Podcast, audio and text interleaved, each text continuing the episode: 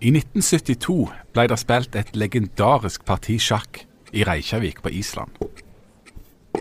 Det amerikanske sjakkgeniet Bobby Fischer møtte den russiske verdensmesteren Boris Spassky til finalespill i verdensmesterskapet. 27 år seinere, en aprildag i 1999, fikk cubaneren Orlando Luis Pardo Lasso beskjed om å møte på sjefens kontor. Orlando var biokjemiker, han utvikla vaksiner på et forskningsinstitutt i Havanna, og hadde ei trygg framtid som vitenskapsmann i Cubas berømte gratis helsesystem. Men denne dagen i 1999 falt hele denne framtida i grus. Orlando fikk sparken, han var blitt stempla som en dissident, en fiende av Cuba og revolusjonen. Suddenly, something serious happened. Now you have become dissident. You, they are in the, like a silence, a rumor. Hva hadde han gjort galt? Og hva hadde Bobby Fischer og sjakkpartiet på Island betydd for oppsigelsen? Det skal vi snart fortelle.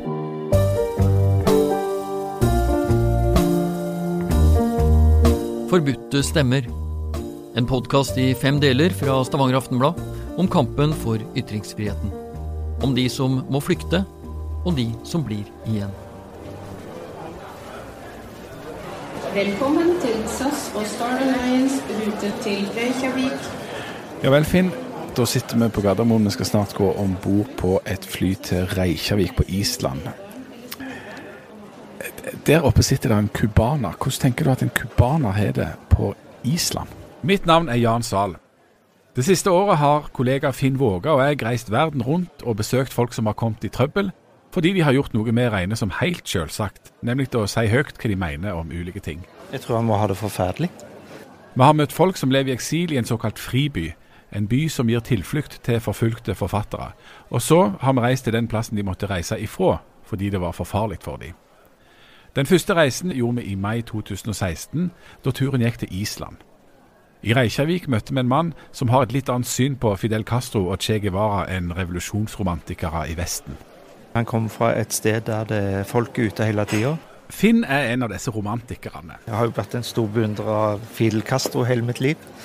Eh, sosialisme eller døden er jo hans slagord. Eh, jeg vil nok foretrukke sosialismen i, i lengden.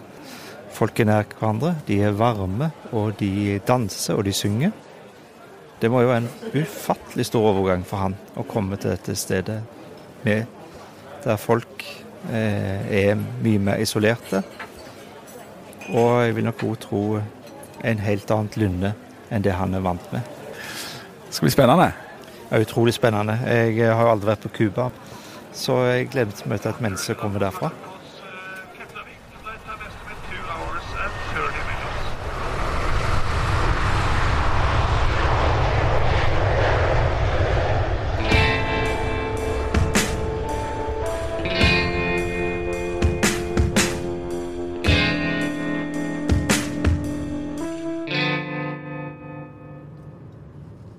På Keflavik leier vi oss en bil og kjører ut i et landskap som både ser kjent og fremmed ut på en gang.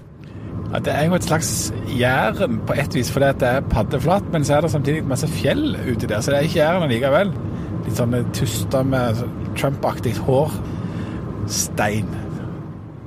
Vi kjører inn til sentrum av Reykjavik. Orlando bor i en lånt leilighet rett over gata for rådhuset. Ok, jeg prøver å trykke på den andre her. jeg. Der høres det ut som det kommer en mann, og her ser jeg det kommer en cubaner. Hello, welcome. Thank you very much. Hola. Hola. Nice to meet you. Placer. Ja. Adelante, please. Come in. Gracias. En del av fribyordninga er at byen sørger for leilighet til den som har måttet flykte. Det er nesten ingen møbler her inne. Bøkene til Orlando er igjen hjemme på Cuba. Noe av det eneste han har, er en bærbar PC og et sjakkbrett. For selv om han er uendelig langt vekke hjemmefra, så har han samtidig kjent et slags bånd til Island helt ifra barndommen. There is a mental, maybe imaginary connection with Ireland Og det båndet, det handler om sjakk.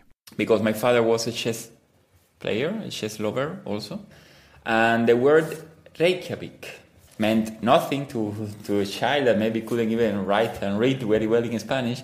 But for me, it was a very clear word, no? Reykjavik. Orlando og faren pleide nemlig å spille sjakk, og faren fortalte om det amerikanske sjakkgeniet Bobby Fischer, som i 1972 møtte russiske Boris Spassky til kamp nettopp i Reykjavik. And in many ways, in the Soviet-like socialist Cuba in the 70s, a secret way of resisting a little the, the way of government was uh, when you liked American culture, American rock and roll, that was censored back then.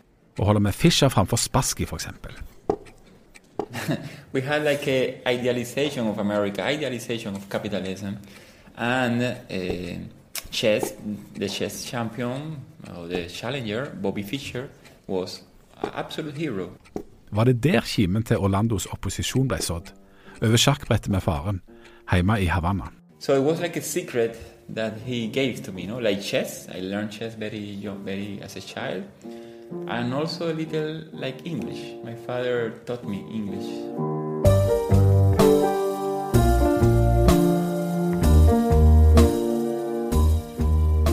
Orlando utdanna seg til biokjemiker på universitetet i Havanna. De eneste demonstrasjonene han deltok på, var de Fidel Castro bestilte. Orlando var en lydig og dyktig student som ropte 'leve revolusjonen' og 'ned med USA' når han fikk beskjed om det. Etter utdanninga fikk han seg jobb på et forskningsinstitutt. Han jobba i et prosjekt som skulle utvikle vaksiner, og han likte jobben sin. Men han ble òg litt mer frittalende. Når nok en av kollegaene f.eks. ikke kom hjem etter en faglig kongress utenlands, så arrangerte instituttet alltid samlinger der de som var igjen, skulle rakke ned på de som nå hadde svikta Cuba og revolusjonen. Orlando kunne finne på å si at han ikke syntes det var så farlig. I was maybe I was creating a little revolution. No, I thought that we had a critical mass of critical scientists. We loved science. We did, were not politicians. I was not a counter-revolutionary. Men Orlando tok feil. Det var ikke rom for å tenke og snakke fritt om Castros Cuba. Heller ikke blant velutdanna og oppegående akademikere. The system proved me wrong. In Cuba, all the unions belong to the state. No, the union will not defend you, and the Cuba, the, what, what, what else can defend you in Cuba? So I was dismissed from my, my work in April, April the seventh, 1999, Wednesday. I remember that day very definite because Orlando fikk null støtte fra kollegaene eller fra fagforeninga si, som på Cuba selvsagt er statlige. Så den onsdagen i 1999 sto han plutselig der på gata, alene, uten jobb, uten framtid. So I was in the street and I said, what do I do now? No? And I, I, I focused more on writing. I tried to keep a low profile because they were targeting me or somehow following me in many ways. But I didn't become a dis- completely a dissident at that time. But I had my first lesson. No? Orlando hadde, kanskje uten å være klar over det, utfordra systemet og tapt. Nå måtte han finne en ny vei. Han begynte å skrive, han blogga, han fotograferte, og han fikk seg nye venner i undergrunnen i Havanna. Der ble en del av et miljø som prøvde å påvirke andre og til å heve stemmen og snakke fritt. De prøvde å gjøre det kult å være kritisk. Om de ble mange nok, så kunne de kanskje få til endringer på Cuba.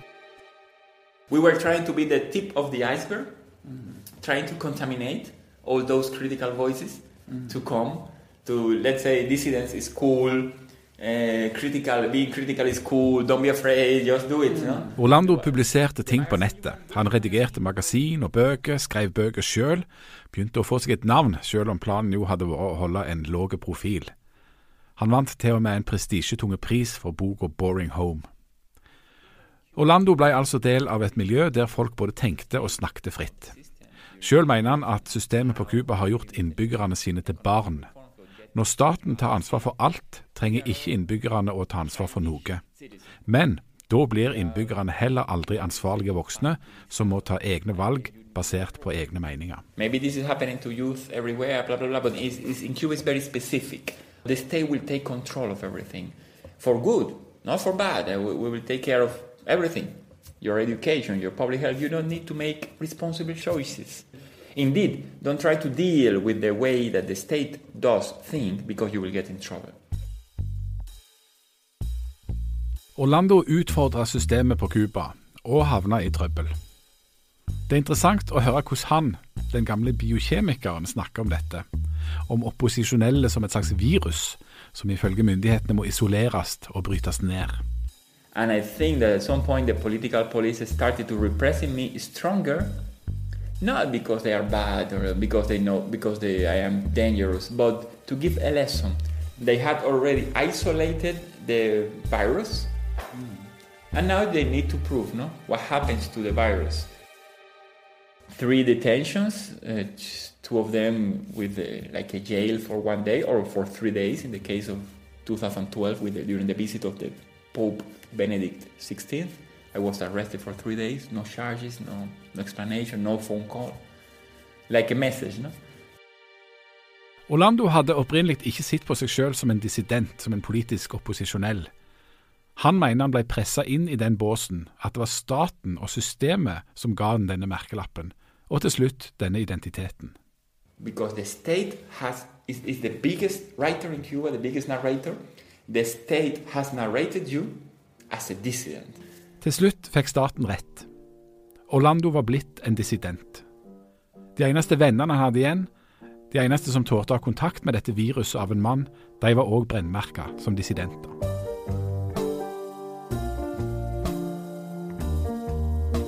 Men om cubanske myndigheter gjør så godt de kan for å stoppe kjeften på disse opposisjonelle stemmene, så er de et velkomment eksotisk innslag andre plasser. Orlando fikk invitasjoner om å komme til USA og holde foredrag. Han reiste fra Cuba i mars 2013. Foredragsturneen ble avløst av gjesteopphold på amerikanske prestisjeuniversitet. Og det var en eller annen plass her at han fikk høre om fribyordninga. Om at forfulgte forfattere kunne få opphold i en friby. Han sendte en søknad til kontoret i Stavanger i Norge. Tenkte nok at han kunne få plass i Frankrike eller i Spania. Fikk i stedet tilbud om Reykjavik og slo til på flekken. Har kollega Finn rett, tru? Har den varme cubaneren det forferdelig på iskalde Island? Nei.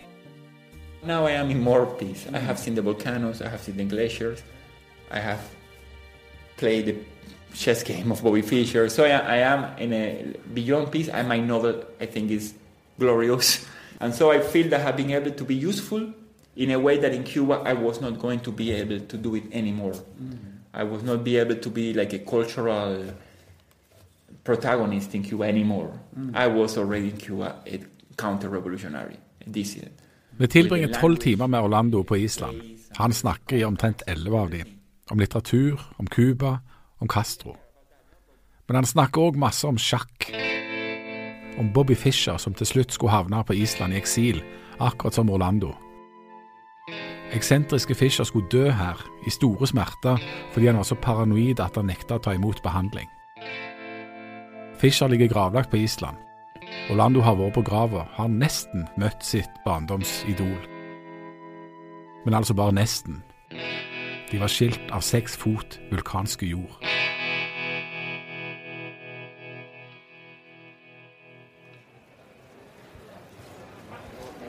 Dagen etter er det tid for å oppsummere møtet vårt med Orlando. Det kan høres ut til at cubaromantikeren Finn har fått noe å tenke på. Hvordan vil du beskrive han som type? Altså, han var jo en latiner, da, rett og slett. Altså, det, var, det er mye der. Han, eh, han snakker og snakker og snakker. Eh, en eh, sann intellektuell fyr. En, en, forfattertype. Enormt god med ord. Enormt reflekterte. Veldig interessant fyr å snakke med, altså. Og så lærte vi jo utrolig mye om Cuba. Ikke minst den motstand som er mot det regimet som er der nede. Som jeg ante ingenting om. Kunne du noe om det fra før? Ja, faktisk. Fordi jeg har skrevet en bok fra Sør-Amerika for mange mange år siden. og Da skrev jeg bl.a. om Che, og at eh, han var riktignok utdanna lege, men etter hvert så ble han mer opptatt av å ta livet av folk enn av å redde dem. Så det kjente jeg en del til. Um, men det er jo en, en, historie som er omtrent ukjent i, i, i Norge og på en måte i Vest-Europa. For der har vi overtatt den historien om den gloriøse revolusjonen nærmest på Cuba. og Det er liksom et litt romantisk ideal, men det er altså noen enormt problematiske sider som både handler om manglende politiske rettigheter, men òg om ren nød og fattigdom. Altså Folk har omtrent ikke penger. I perioder har de rett og slett svelt i hjel. Så det er ikke så veldig stas. Og der var det interessant å høre om vi får innsida. så snakker han jo om eh, Castro på en måte som han misliker, samtidig beundrer han han. Så han har flykta fra spøkelset, men han har spøkelset med seg til Island. Vi aner selvsagt ingenting om dette da. Verken på Island eller mens vi planlegger turen vår til Havanna i november 2016. At vi skal komme til Cuba den siste uka Fidel Castro er i live.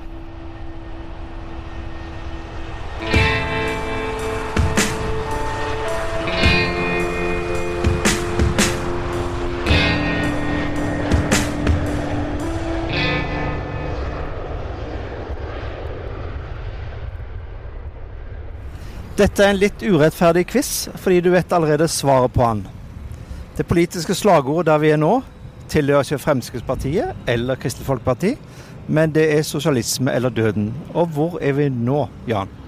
Ja, nå er vi jammen meg på revolusjonsplassen i Havanna, Cuba. Hvis du skal bruke ett ord for å beskrive revolusjonsplassen i Havanna, der altså portrettet av Che stirrer bort på oss, hva slags adjektiv ville du brukt av den plassen? Ja, det er mange. Eh, stor, tom, kjedelig. Kommer du på noen andre? Nei, det er faktisk akkurat det jeg òg tenkte på. Altså Her er vi da på den plassen med det motivet som kanskje er mest kjent fra Havanna, utenom eh, på en måte de, disse gamle kolonial- eller kolonistilbygningene. Men det er altså der Che stirrer ned på denne plassen. Og der er en annen turist som går rundt og tar bilde av seg sjøl framfor Che. Akkurat som vi òg har gjort, og det er vel det en gjør her, men det er ingen folk her. For det er er det slik ikke mye at visuell her har du ikke lov forurensning. til å drive med reklame. Kun reklame for politikken. Ja, det er pussig. Det eneste det eneste på reklameskiltet her, det er for politikken. Det er insistering på at her går det kjempebra, og revolusjonen den fortsetter, kampen fortsetter. Og det er hasta la victoria siempre, altså mot seier alltid, som det står på Che sitt portrett. Så det er noe insisterende på det. Men det skal bli løye nå når vi da har kommet til Cuba og finne ut eh, om det går bra. Og så er det litt rart for meg å være her, fordi at eh, hvis en har sans og interesse for sosialismen, og for forfatteren Ernest Hemingway, så er jo Cuba en slags paradisøy. Altså Her tilbrakte jo Hemingway 20 år av sitt liv. Her skrev han 'Den gamle mannen og havet', når han sjøl begynte begynt å bli en gamle mann. Eh, og selvfølgelig så har jo dette det er litt så forlokkende med Fidel Castro. Eh, Stått imot eh, imperialismen. Holdt åtte og en halv timers lange taler om at eh, han skal stå først på stranden når, når de kommer for å ta han. Så ja, jeg er spent på om dette er Om drømmene om paradisøya går i oppfyllelse for meg, eller om det blir et gigantisk mageplask.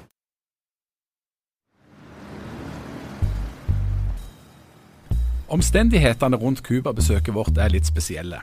Vi har nemlig ikke søkt om pressevisum, og har ikke gitt beskjed om at vi er journalister. Hvis vi hadde vært ærlige om hva vi kom hit for, at vi skulle møte cubanske dissidenter og lage en kritisk sak på Castro-regimet, så er det sterkt tvilsomt at vi hadde fått lov til å komme. Og hadde vi fått pressevisum, så ville vi sannsynligvis vært under konstante oppsikt. Da ville det vært vanskelig å få folk til å snakke fritt og ærlig til oss. Du skal være veldig forsiktig med hva du sier om Castro-regimet på Cuba. Der finnes folk som lytter overalt, folk som rapporterer deg. Og om det er én ting du i alle fall ikke skal gjøre her, så er det å oppsøke dissidenter. Da havner du på første fly hjem, står det til og med i guideboka fra National Geographic. Dermed er det ulovlig og ikke helt ufarlig når vi nå har kommet til Cuba for å drive kritiske journalistikk. Men vi har tenkt at vi neppe blir kasta i fengsel om vi blir oppdaget. I alle fall ikke særlig lenge. Og at det verste som kan skje, er at vi blir sendt ut av landet og ikke får komme tilbake. De vi har intervjuavtale med, vet at vi er journalister. Men offisielt er vi altså turister. Nærmere bestemt fotointeresserte lærere, sier Finn går rundt med store kameraer på skuldrene. Og så får vi bare håpe på det beste. Sjøl om du blir ganske paranoid av sånt. Kan noen se på meg at jeg er journalist? Minst like farlig er det for dem vi skal snakke med. Vil de vi møter snakke åpent og fritt og kritisk?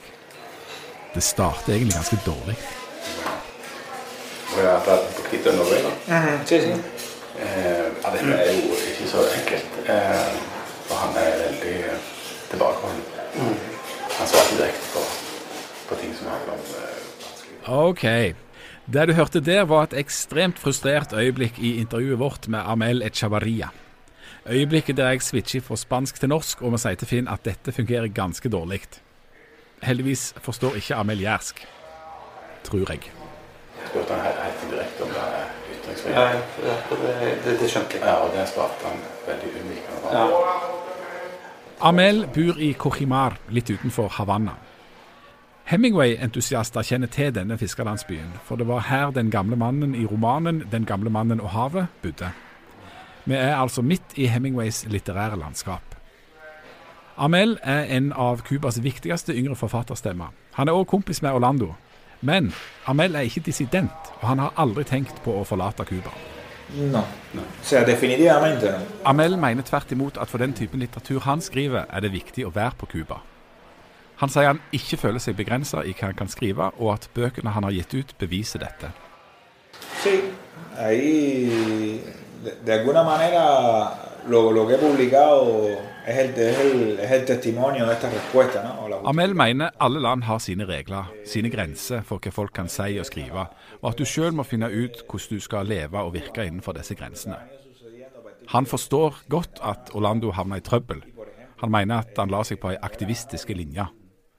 Når jeg forteller at Orlando sa til oss at han nærmest ble pressa over i dissidentrollen, svarer Amel at Orlando er en smart fyr som vet hva han gjør og at ulike handlinger har ulike konsekvenser.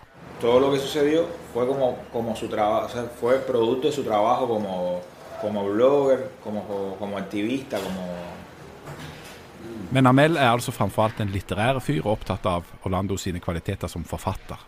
Han mener Orlando skriver fantastiske tekster.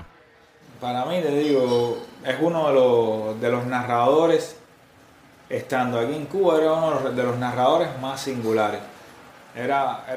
Amel er den første med intervju på Cuba, og det går altså bare sånn passe. Når jeg stiller spørsmål om demokrati og ytringsfrihet, så svarer Amel svevende og unnvikende. Han svarer ikke direkte på om det er ytringsfrihet på Cuba eller ei, og det er egentlig ganske anstrengte stemning med lange pauser her vi sitter i huset som han deler med kjæresten.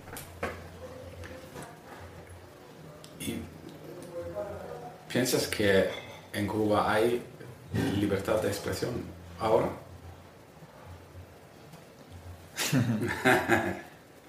bueno, te digo, o sea, eso, eso forma parte de, la, de, la, de, de, lo, de las decisiones de cada Snakker Amel sånn fordi han faktisk mener det? Eller er det fordi han er redd? Det er umulig for oss å vite. Men vi må nesten ha som utgangspunkt at Amel er like ærlig som alle andre med intervjuet, selv om han ikke er like kritisk.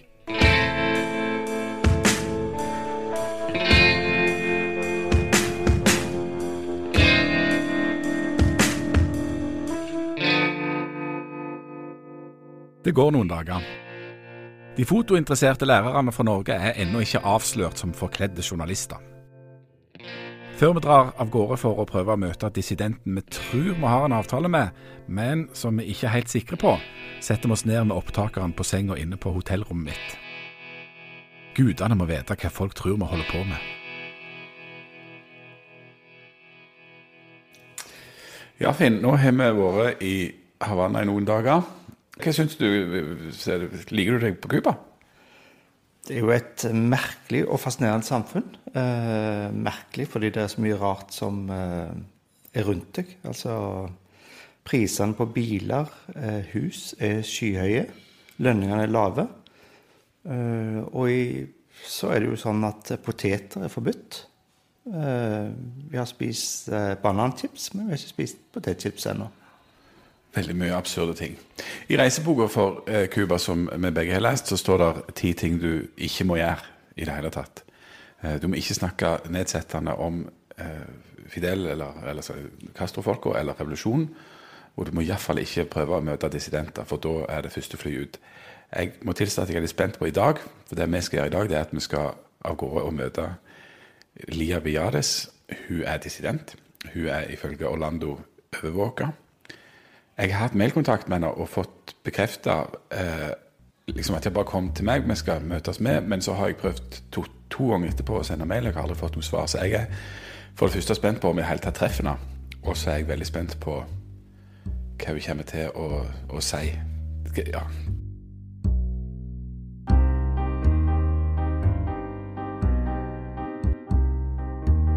Jeg har fått oppgitt en adresse i Vedado-bydelen. Dette er en mer moderne del av Havanna enn koloniruinene i gamlebyen, utvikla i første halvdel av 1900-tallet. Jeg må tilstå at hjertet pumper litt ekstra når vi nærmer oss huset. Finn har pakket kameraet ned i ryggsekken. Der ligger òg notatblokka mi. Om det stemmer at Lia lever under konstant overvåkning, er det nå risikoen er størst for at vi skal bli oppdaget. Og om det føltes som en akseptabel risiko å ta å dra hit undercover mens vi var i Norge, er det hakket mer skummelt når vi faktisk står her og ringer på, mens jeg kikker meg rundt og lurer på hvem som ser oss.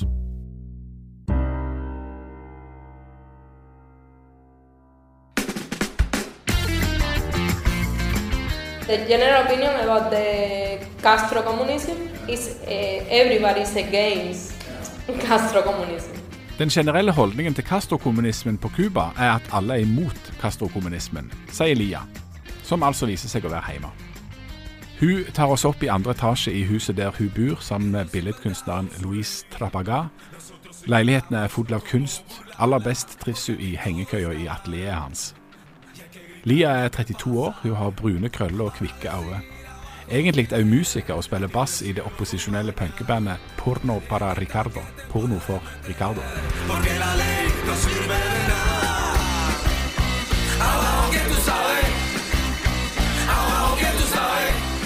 Hun er definitivt ikke redd for å være kritisk, og er ikke redd for å snakke direkte. The country is the uh, belongs to Castros. All the lives. Lia mener at alt på Cuba, inkludert folk flest sine liv, i praksis tilhører Castro.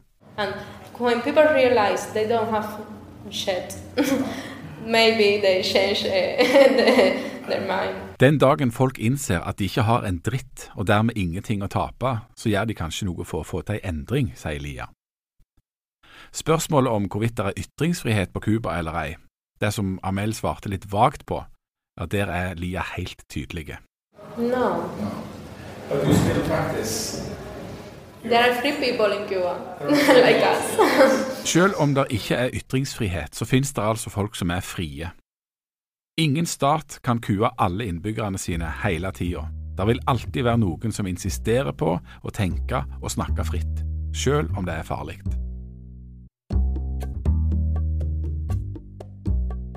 Orlando og Lia ble kjent etter at han hadde fått sparken på Forskningsinstituttet. De møttes i undergrunnsmiljøet, der de kunne diskutere både hva som var bra og hva som var dårlig på Cuba. Og Det var med utgangspunkt i dette miljøet at både Orlando og Lia begynte å blogge. Og Det var der de ble kjent med alle de andre opposisjonelle bloggerne på øya. Lia sin blogg var opprinnelig en slags fanside for Porno para Ricardo. Det var mest fotografi der. Men så har hun gradvis blitt mer politisk, og altså fått merkelappen dissident, som på Cuba ikke er noen spøk.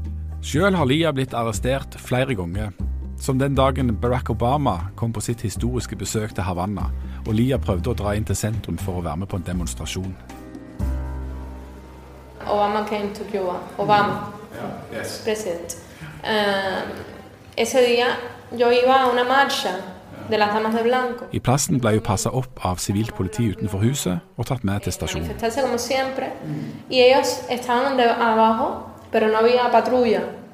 Jeg spør hva politiet gjør med henne når de tar henne med seg på denne måten. Lia svarer at det alltid er et element av skremming der. De behandler meg som en uskikkelig unge, sier hun. De oppfører seg som om de skulle være far min, og så spør de hvorfor jeg blander meg inn i ting jeg ikke har noe med.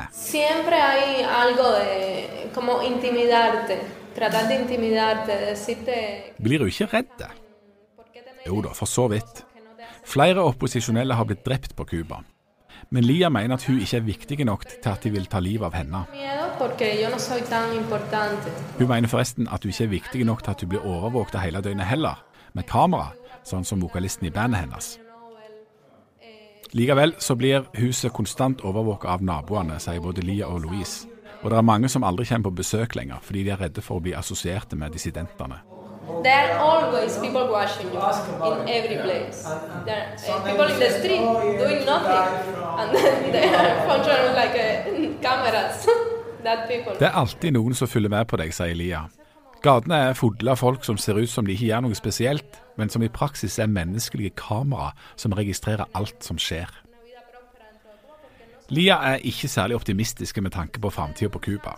Hun mener at Castro-familien har arverekka klar. Så hvorfor reiser hun ikke, som så mange andre cubanere? La pregunta, the question. es, es muy difícil quedarse. Jo, fordi om det er vanskelig å bli, så er det òg vanskelig å dra. Har du familie utenlands, er det lettere, men er du alene, er det verre.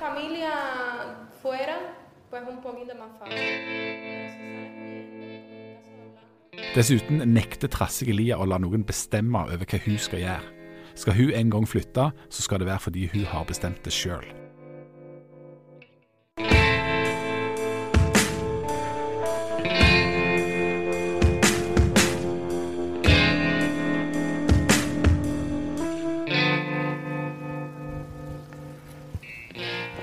Det er vår siste dag på Cuba. Jeg hadde jo ikke uh, egentlig så mange illusjoner. Jeg har lest en del om Che og om Castro og om alt dette her før. Men du har jo hatt litt sånn romantiske forestillinger om Cuba og om Castro og om alt dette her. Hva tenker du nå etter ei uke på Cuba? Fin våge. Eks-romantiker. Det er jo noe med at eh, jeg har gjort det samme som sikkert veldig mange vestlige har gjort. Det er en misforstått romantisering av Cuba. Frihet, eh, likhet, respekt for enkeltindividet, dele godene. Og så kommer du hit, og så opplever du at det er ikke slik. Dette er et diktatur.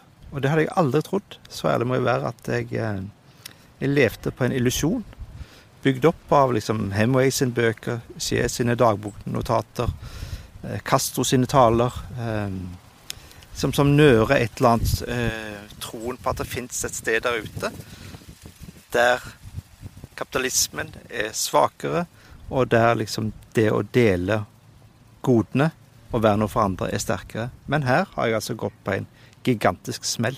Det må jeg bare innrømme. Ja, for det, det eksisterer jo en slags likhet er at folk omtrent ikke har noen ting.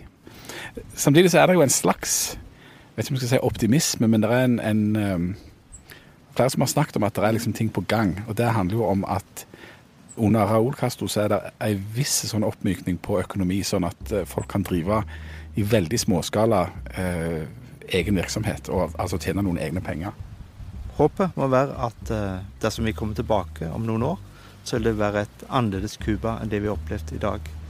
Og det Men som sagt, en romantiker tar farvel med Cuba. Adios, Cuba. Adios.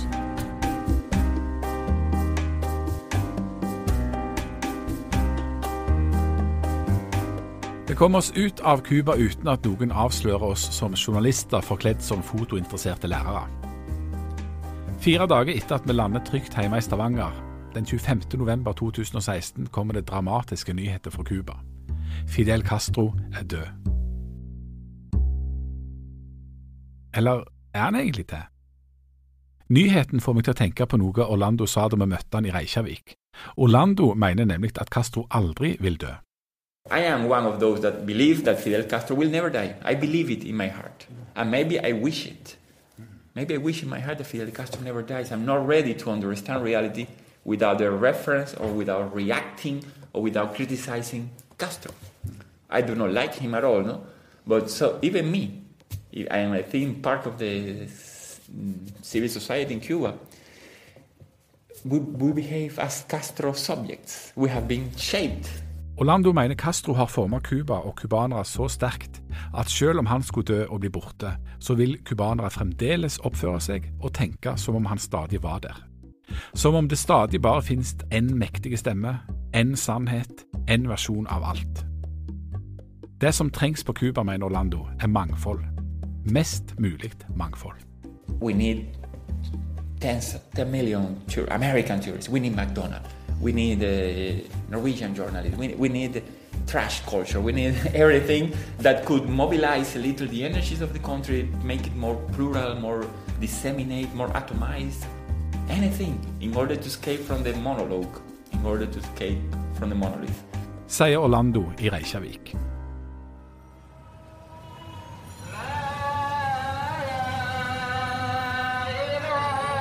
Tenk deg at navnet ditt plutselig en dag dukker opp på ei dødsliste. Andre som står på den lista, folk du kjenner, blir drept. Ute på gata. Med machete. Går du hjem og forteller kona di at du står på den lista? Eller holder du kjeft? Mer om det i neste episode av Forbudte stemmer. Da skal vi til Bergen og til Bangladesh.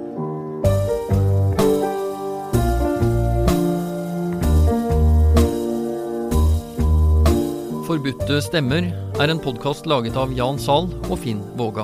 Redigert av Rune Vanvik, og musikken er laget av Geir Zahl og Simen Solli Skøyen. Prosjektet er støttet av Fritt Ord, og du kan lese hele historien på aftenbladet.no, eller i Stavanger Aftenblad. Som du forresten bør abonnere på